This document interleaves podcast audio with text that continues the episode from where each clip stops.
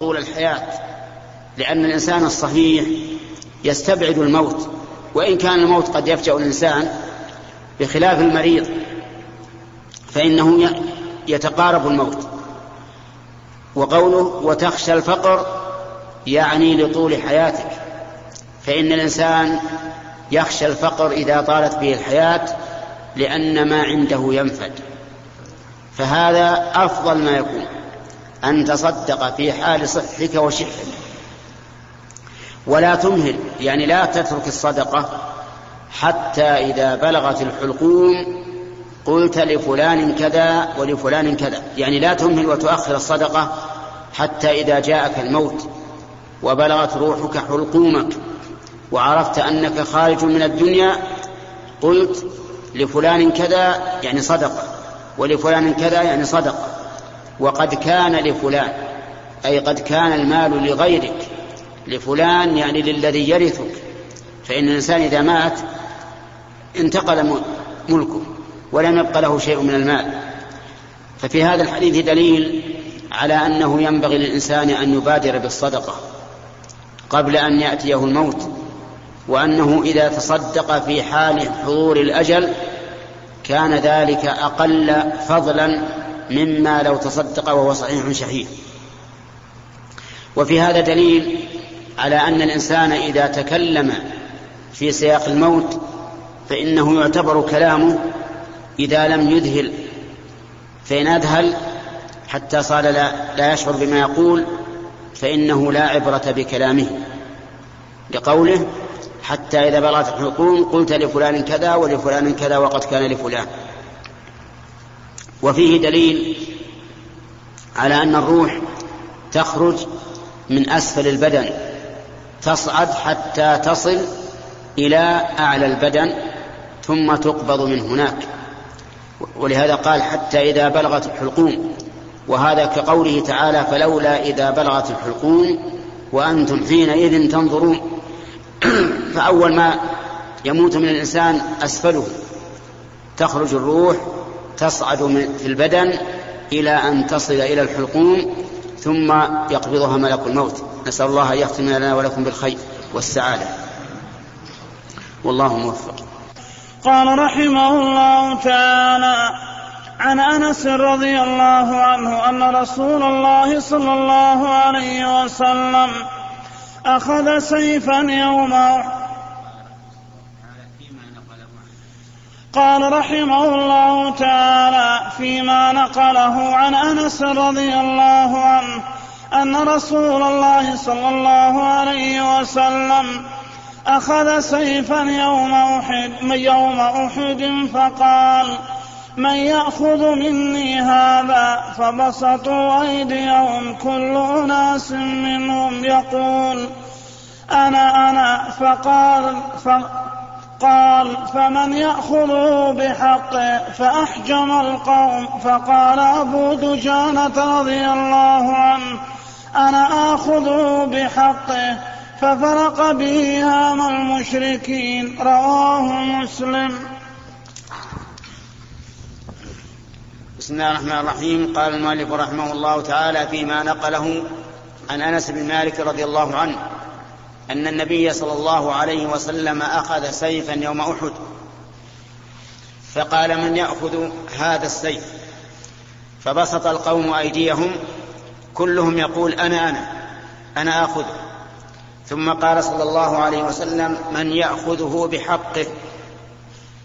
فأحجم القوم.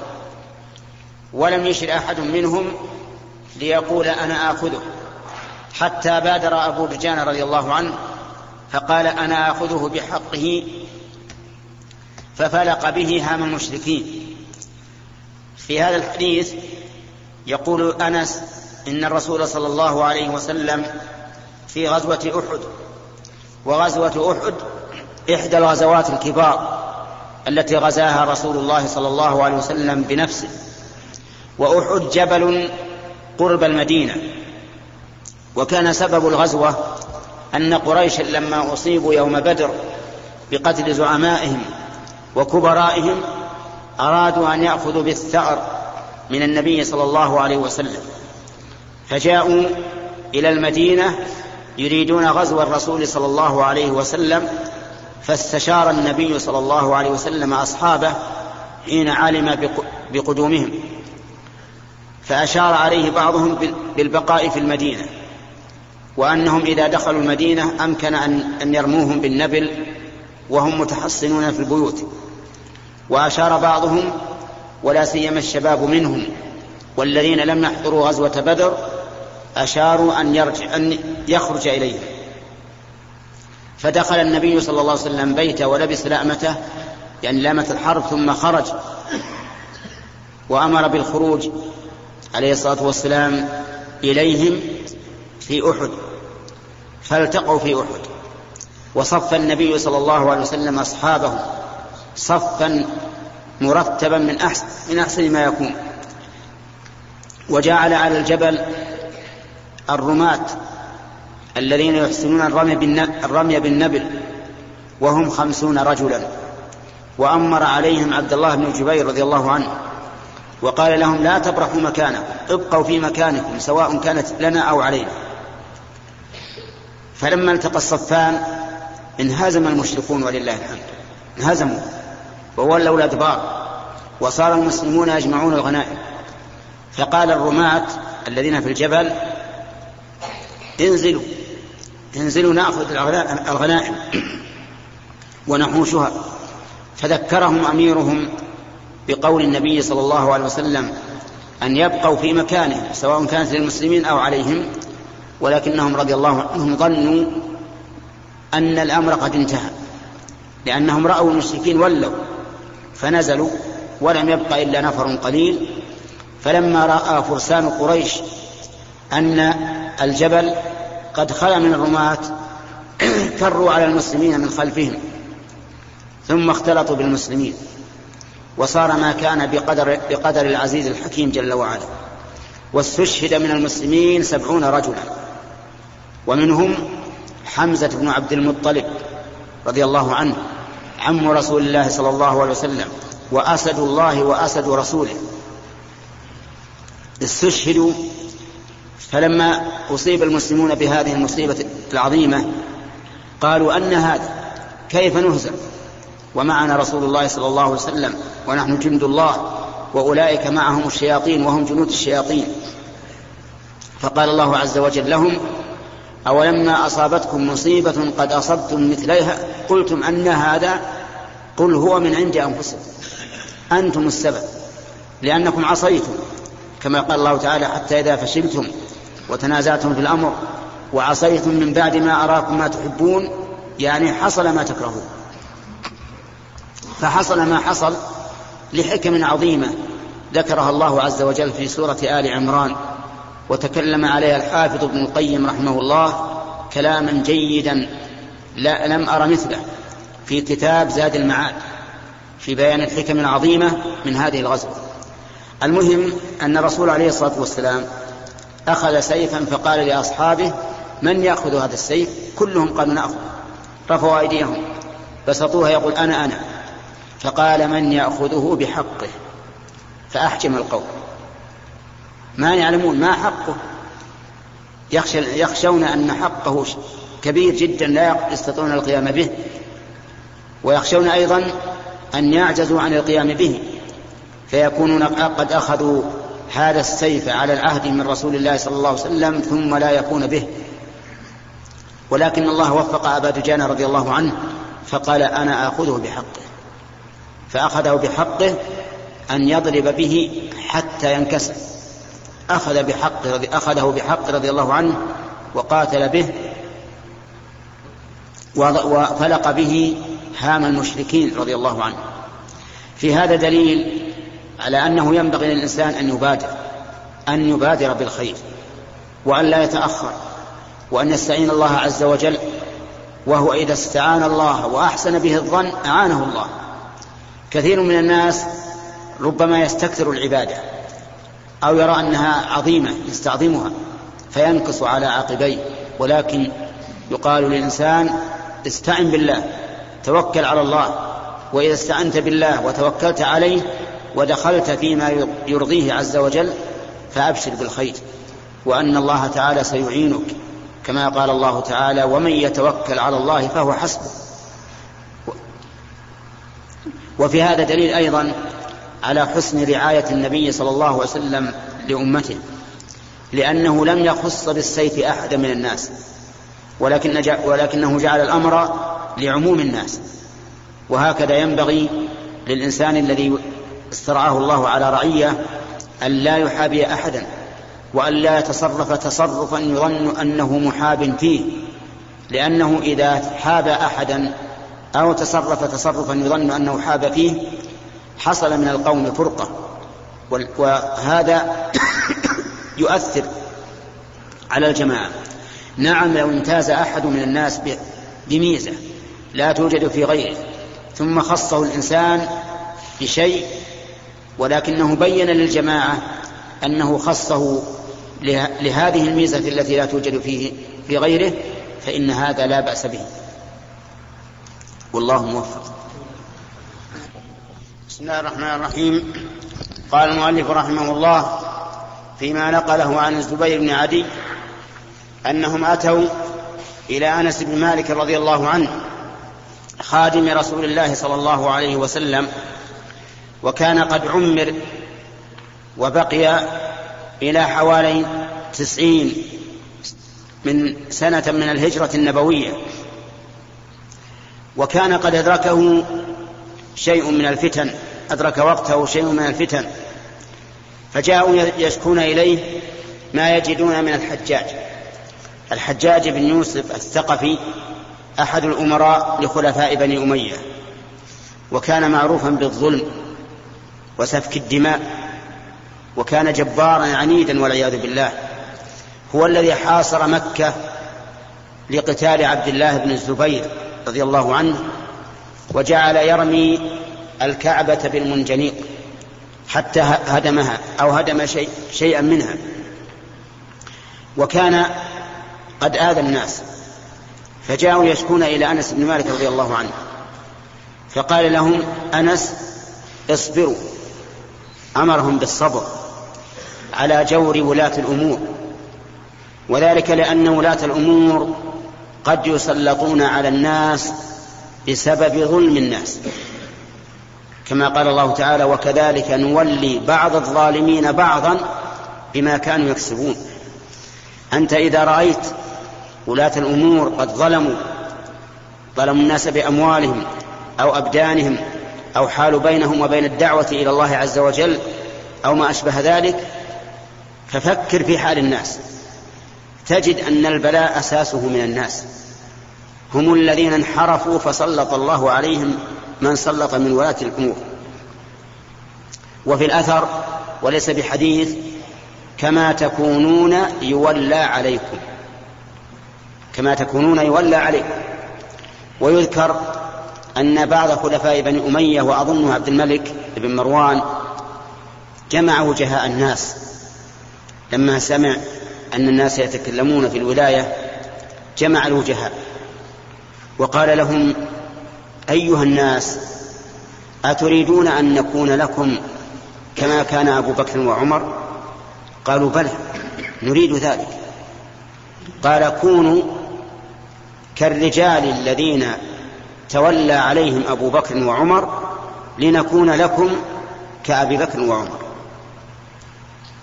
يعني أن الناس على دين ملوكهم فإذا, فإذا ظلموا أي ظلم ولاة الأمور للناس فإنه بسبب أعمال الناس.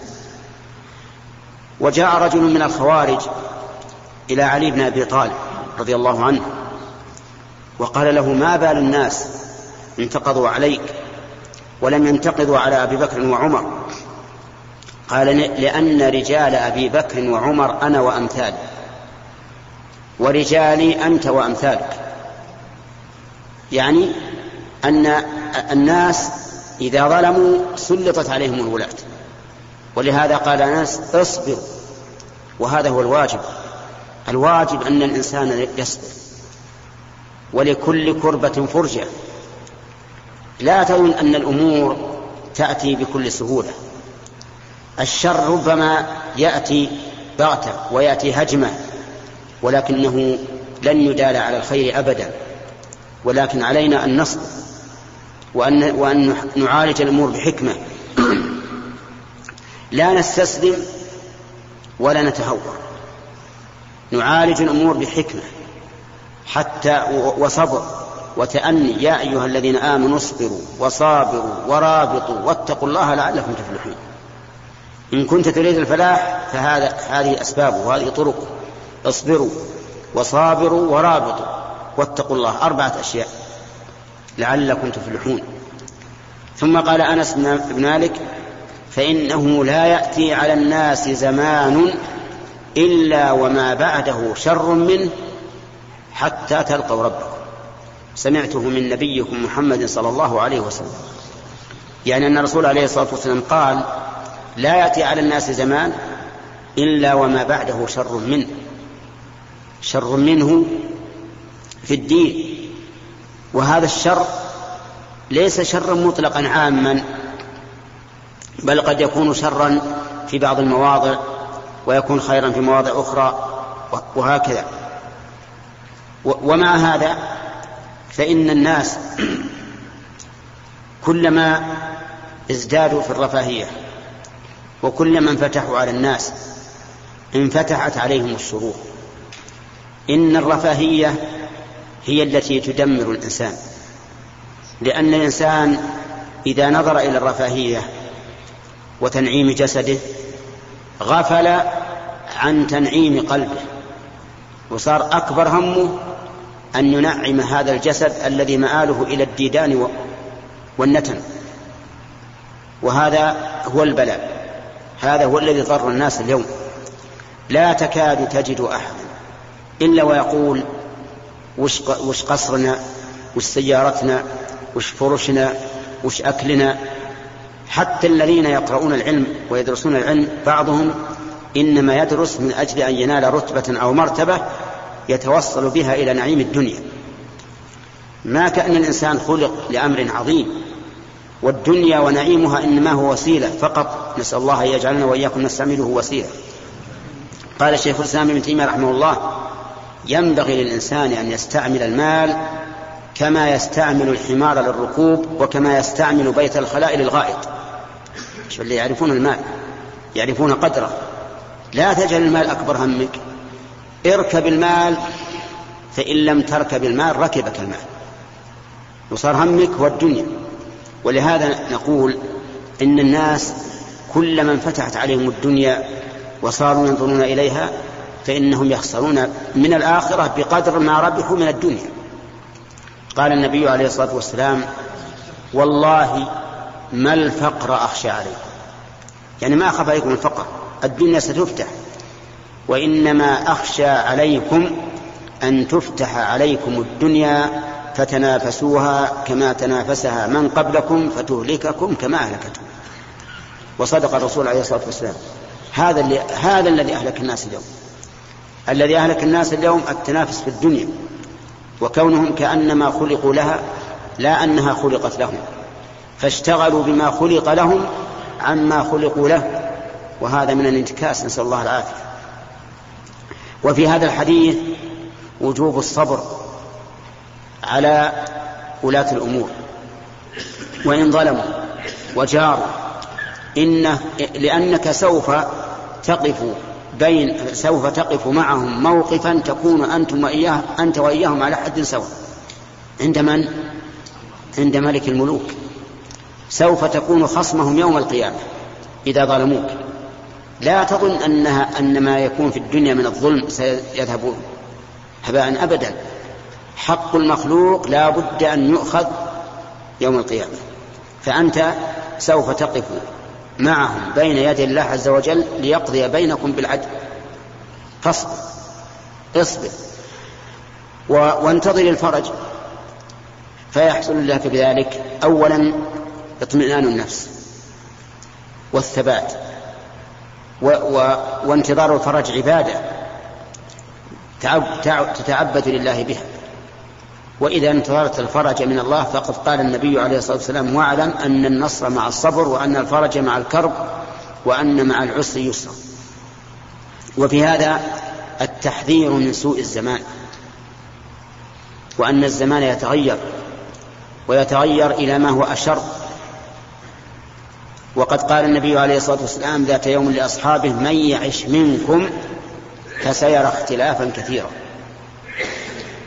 وأظن نحن وعيشنا في الدنيا قليل بالنسبة لمن سبق نرى اختلافا كثيرا رأينا اختلافا كثيرا بين سنين مضت وسنين الوقت الحاضر. حدثني من أثق به أن هذا المسجد مسجد الجامع مسجدكم هذا لا يؤذن لصلاة الفجر إلا وقد تم الصف الأول. يأتون إلى المسجد يتهجدون. أين المتهجدون اليوم؟ إلا من شاء الله. قليل. تغيرت الأحوال. تجد الواحد منهم كما قال النبي عليه الصلاة والسلام في الطير. تغدو خماصا وتروح بطانا. إذا أصبح يقول اللهم ارزقني قلبه معلق بالله عز وجل فيرزقه الله. وأما الآن فأكثر الناس بغفلة عن هذا الشيء. يعتمدون على من سوى الله ومن تعلق شيئا وكل إليه. نعم الحمد لله في الآونة الأخيرة لا شك أن الله سبحانه وتعالى فتح على الشباب. فتحا أسأل الله تعالى أن يزيدهم من فضله. فتح عليهم وأقبلوا إلى الله. ونجد بين سنواتنا هذه الأخيرة والسنوات الماضية بالنسبة للشباب نجد فرقا عظيما. قبل نحو عشرين سنة لا تكاد تجد الشاب في المسجد. أما الآن ولله الحمد فأكثر من في المسجد هم الشباب. وهذه نعمة ولله الحمد. يرجو الإنسان لها مستقبلا زاهرا. وثقوا أن الشعب إذا صلح فسوف تضطر ولاة أموره إلى الصلاح مهما كان. فحنا نرجو لإخواننا في غير هذه البلاد الذين من الله عليهم بالصلاح إذا استقاموا على الحق أن يصلح الله لهم الولاة. ونقول اصبروا فإن ولاتكم سوف يصلحون غصبا عليهم إذا صلحت الشعوب صلحت صلحت الولاة بالاضطرار. نسأل الله أن يصلح للمسلمين ولاة أمورهم وشعوبهم إنه جواد كريم. نقل المؤلف رحمه الله تعالى عن أبي هريرة رضي الله عنه أن رسول الله صلى الله عليه وسلم قال بادروا بالاعمال سبعا هل تنتظر؟ قال بادروا بالاعمال سبعا هل تنتظرون إلا فقرا منسيا أو غنى مطغيا أو مرضا مفسدا أو هرما مفندا أو موتا مجهزا أو الدجال فشر غائب ينتظر أو الساعة فالساعة أدهى وأمر. رواه الترمذي وقال حديث حسن. بسم الله الرحمن الرحيم. سبق لنا أن النبي صلى الله عليه وسلم ذكر في أحاديث متعددة ما يدل على أنه من الحزم أن يبادر الإنسان بالأعمال الصالحة. وفي هذا الحديث أشار النبي صلى الله عليه وسلم إلى أشياء متعددة ينبغي للإنسان أن يبادر بها أن يبادر الأعمال بها. فقال بادروا بالأعمال سبعا يعني سبعة أشياء. كلها محيطة بالإنسان يخشى أن تصيبه. الفقر قال هل تنتظرون إلا فقرا منسيا؟ أو غنى مطغيا الإنسان بين حالين بالنسبة للرزق تارة يغنيه الله عز وجل ويمده بالمال والبنين والأهل والقصور والمراكب والجاه وغير ذلك من أمور الغنى.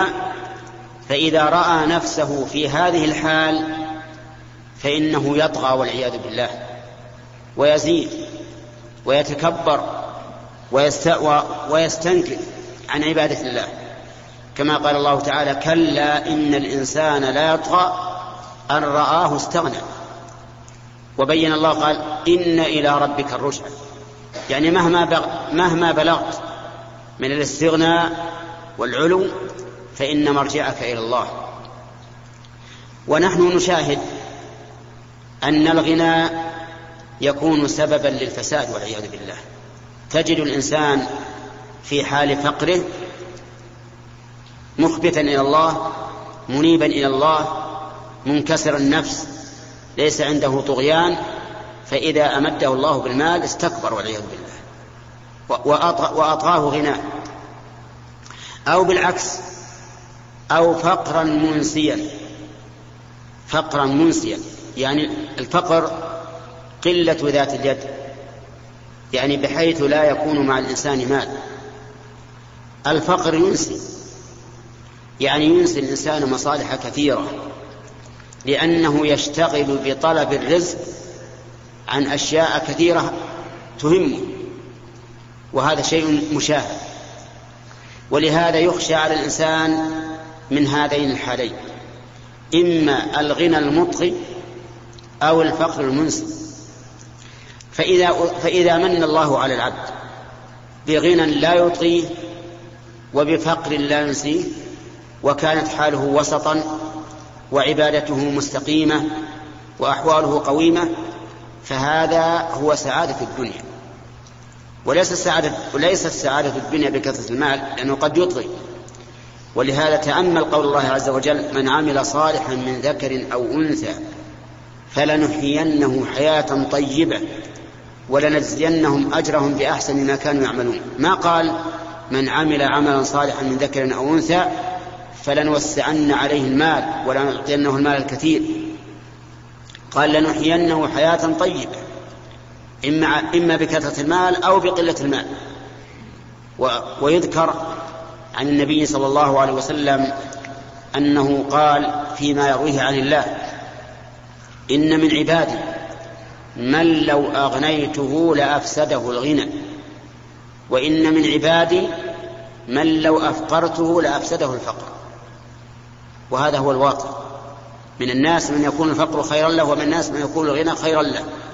ولكن الرسول عليه الصلاة والسلام حذر من فقر من غنى مطغ وفقر منس الثالث قال أو مرضا مفسدا. المرض يفسد على الإنسان أحواله الإنسان ما دام في صحة تجده منشرح الصدر واسع البال مستأنس مستأنسا. لكن إذا أصيب بالمرض انكتم وضاقت عليه الأرض وصار همه نفسه فتجده بمرضه تفسد عليه أمور كثيرة. لا يستأنس مع الناس ولا ينبسط إلى أهله لأنه مريض. تعبان في نفسه فالمرض يفسد على الإنسان أحواله. وهل الإنسان دائما في صحة؟ لا. الإنسان ليس دائما في صحة. والمرض ينتظره كل لحظة. كم من إنسان أصبح نشيطا صحيحا وأمسى ضعيفا مريضا أو بالعكس أمسى صحيحا نشيطا وأصبح مريضا ضعيفا. فالإنسان يجب عليه أن يبادر هذه الأمور. هذه ثلاث أشياء نتكلم عليها في هذا الدرس والبقية إن شاء الله في الدرس القادم. والله موفق. نقل المؤلف رحمه الله تعالى عن أبي هريرة رضي الله عنه أن رسول الله صلى الله عليه وسلم قال بادروا بالاعمال سبعا هل تنتظرون إلا فقرا منسيا أو غنى مطغيا أو مرضا مفسدا أو هرما مفندا أو موتا مجهزا أو الدجال فشر غائب فشر غائب ينتظر أو الساعة فالساعة أدهى وأمر رواه الترمذي وقال حديث حسن بسم الله الرحمن الرحيم. تقدم الكلام على أول هذا الحديث وهو أمر النبي صلى الله عليه وسلم أن نبادر بالأعمال سبعة أمور كلها تكتنف الإنسان في حياته. الفقر والغنى الفقر المنسي أو غنى مطغيا أو مرضا مفسدا.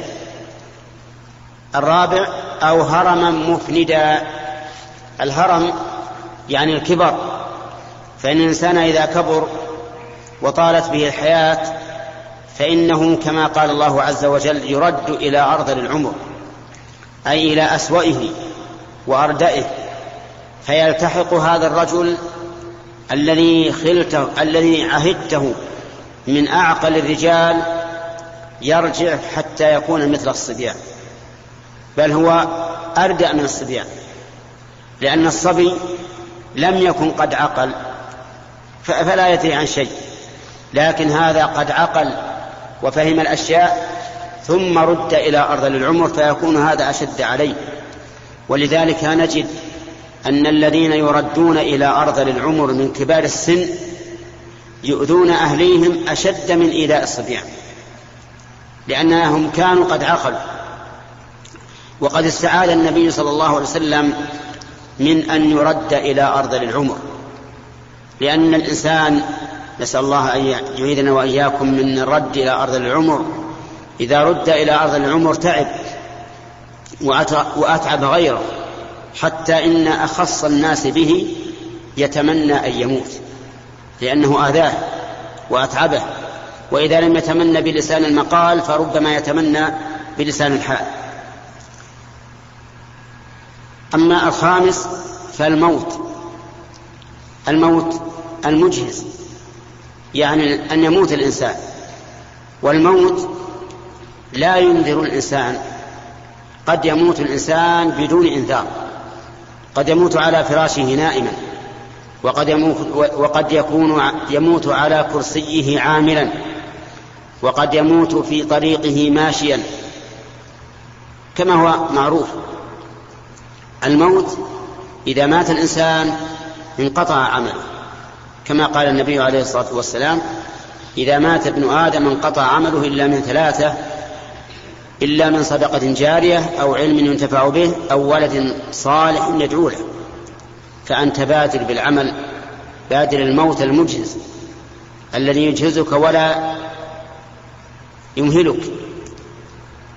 السادس أو الدجال.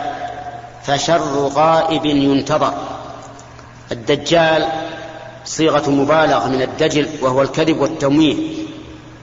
وهو رجل يبعثه الله عز وجل في آخر الزمان. يصل إلى دعوى الربوبية. يدعي أنه رب.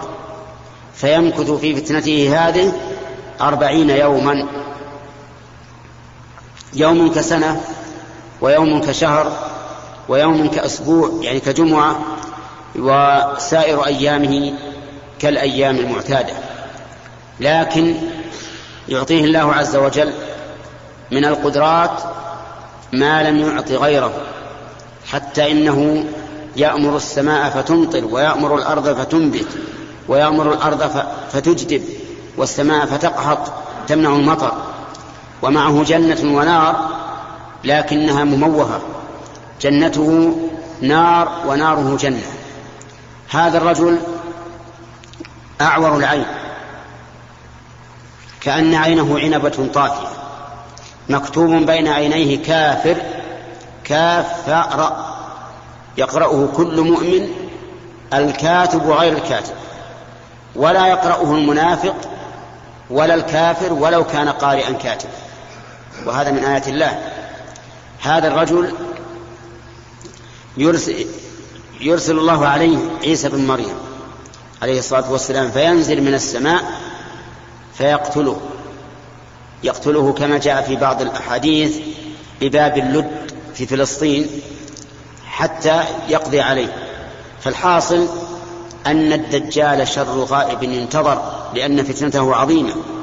ولهذا نحن في, صلاتنا في كل صلاة نقول أعوذ بالله من عذاب جهنم ومن عذاب القبر ومن فتنة المحيا والممات ومن فتنة المسيح الدجال خصها لأنها أعظم فتنة تكون في حياة الإنسان. أو الساعة يعني قيام الساعة الذي فيه الموت, الموت العام. والساعة أدهى وأمر كما قال الله عز وجل بل الساعة موعدهم والساعة أدهى وأعظم وأمر. فهذه سبع حذر منها النبي عليه الصلاة والسلام وأمرنا بأن نبادر بالأعمال هذه السبع. فبادر يا أخي المسلم بادر بأعمالك الصالحة قبل أن يفوتك الأوان. أنت الآن في نشاط وفي قوة وفي قدرة لكن قد يأتي عليك زمان لا تستطيع ولا تقدر على العمل الصالح. فبادر وعود نفسك. وأنت إذا عودت نفسك العمل الصالح اعتادته وسهل عليها وانقادت له وإذا عودت نفسك الكسل والإهمال عجزت عن القيام بالعمل الصالح. نسأل الله أن يعينني وإياكم على ذكره وشكره وحسن عبادته. نقل المؤلف رحمه الله تعالى عن أبي هريرة رضي الله عنه أن رسول الله صلى الله عليه وسلم قال يوم خيبر لأعطين هذه الرايه رجلا يحب الله ورسوله يفتح الله على يديه. قال عمر رضي الله عنه ما أحببت الإمارة يومئذ. فتساورت له قال عمر رضي الله عنه ما أحببت الإمارة إلا يومئذ فتساورت لها رجاء أن أدعى لها. فدعا رسول الله صلى الله عليه وسلم علي بن أبي طالب رضي الله عنه فأعطاه إياها وقال امش ولا تلتفت حتى يفتح الله عليك فسار علي شيئا ثم وقف ولم يلتفت فصرخ يا رسول الله على ماذا اقاتل الناس قال قاتلهم حتى يشهدوا أن لا إله إلا الله وأن محمدا رسول الله فإذا فعلوا ذلك فقد منعوا منك دماءهم وأموالهم إلا بحقها. وحسابهم على الله. رواه مسلم. بسم الله الرحمن الرحيم. قال المؤلف رحمه الله تعالى فيما نقله عن أبي هريرة رضي الله عنه أن رسول الله صلى الله عليه وسلم قال يوم خيبر لأعطين الراية غدا رجلا يحب الله ورسوله وفي لفظ ويحبه الله ورسوله. يوم خيبر يعني يوم غزوة خيبر. وخيبر حصون ومزارع كانت لليهود. تبعد عن المدينة نحو مئة ميل نحو الشمال الغربي فتحها النبي عليه الصلاة والسلام كما هو معروف في السير. وكان الذين يعملون فيها اليهود. فصالحهم النبي عليه الصلاة والسلام على أن يبقوا فيها مزارعين بالنصف لهم نصف الثمرة وللمسلمين نصف الثمرة. وبقوا على ذلك حتى اتلاهم عمر بن الخطاب رضي الله عنه في خلافته. أجلاهم إلى الشام وإلى أذرعات. قال النبي عليه الصلاة والسلام لأعطين الراية رجلا يحب الله ورسوله. الراية هي ما يسمى عندنا بالعلم. يحمله القائد من أجل أن يهتدي به الجيش وراءه. فقال لأعطين الراية رجلا يحب الله ورسوله. رجلا نكرة. لا يعلم من هو. قال عمر بن الخطاب فما تمنيت الإمارة إلا يومئذ. رجاء أن يصيب أن يصيبه ما قاله النبي عليه الصلاة والسلام. فتسورت لها. وبات الناس تلك الليلة يخوضون ويدوكون. كل منهم يرجو أن يعطاها فلما أصبح قال النبي صلى الله عليه وسلم فلما أصبحوا قال النبي صلى الله عليه وسلم أين علي بن أبي طالب؟ ابن عمه. قال قالوا يا رسول الله إنه يشتكي عينيه يعني معه وجع في عينيه فدعا به فجاء فبصق في عينيه فبرأ كأن لم يكن به وجع في الحال والله على كل شيء قدير. ثم أعطاه الراية وقال له امشي ولا تلتفت وقاتلهم ففعل رضي الله عنه. فلما مشى قليلا وقف ولكنه لم يلتفت لأن النبي صلى الله عليه وسلم قال له, قال له لا تلتفت. فصرخ بأعلى صوته يا رسول الله على ما أقاتلهم. بدون التفات لأن الرسول عليه الصلاة والسلام قال لا تلتفت فلم يلتفت. قال قاتلهم على أن يشهدوا أن لا إله إلا الله وأن محمد رسول الله. هذه الكلمة كلمة عظيمة. لو وزنت بها السماوات والأرض لرجحت بالسماوات والأرض. هذه الكلمة يدخل بها الإنسان من الكفر إلى الإسلام. فهي الباب. باب الإسلام شهادة أن لا إله إلا الله وأن محمد رسول الله. فإذا فعلوا ذلك منعوا منك دماءهم وأموالهم إلا بحقها وحسابهم على الله. يعني إذا قالوا أشهد أن لا إله إلا الله وأن محمد رسول الله فإنهم لا يقاتلون. منعوا دماءهم وأموالهم إلا بحقها أي بحق لا إله إلا الله أي بالحقوق التابعة لها لأن لا إله إلا الله ليست مجرد لفظ يقوله الإنسان بلسانه بل لها حقوق. ولها أمور لا بد أن تتم. ولهذا قيل لبعض السلف إن النبي صلى الله عليه وسلم قال مفتاح الجنة لا إله إلا الله. فقال نعم مفتاح الجنة لا إله إلا الله لكن لا بد من عمل لأن المفتاح يحتاج إلى أسنان. وهو صدق رحمه الله. المفتاح يحتاج إلى أسنان. لو جئت بمفتاح بدون أسنان ما فتحته.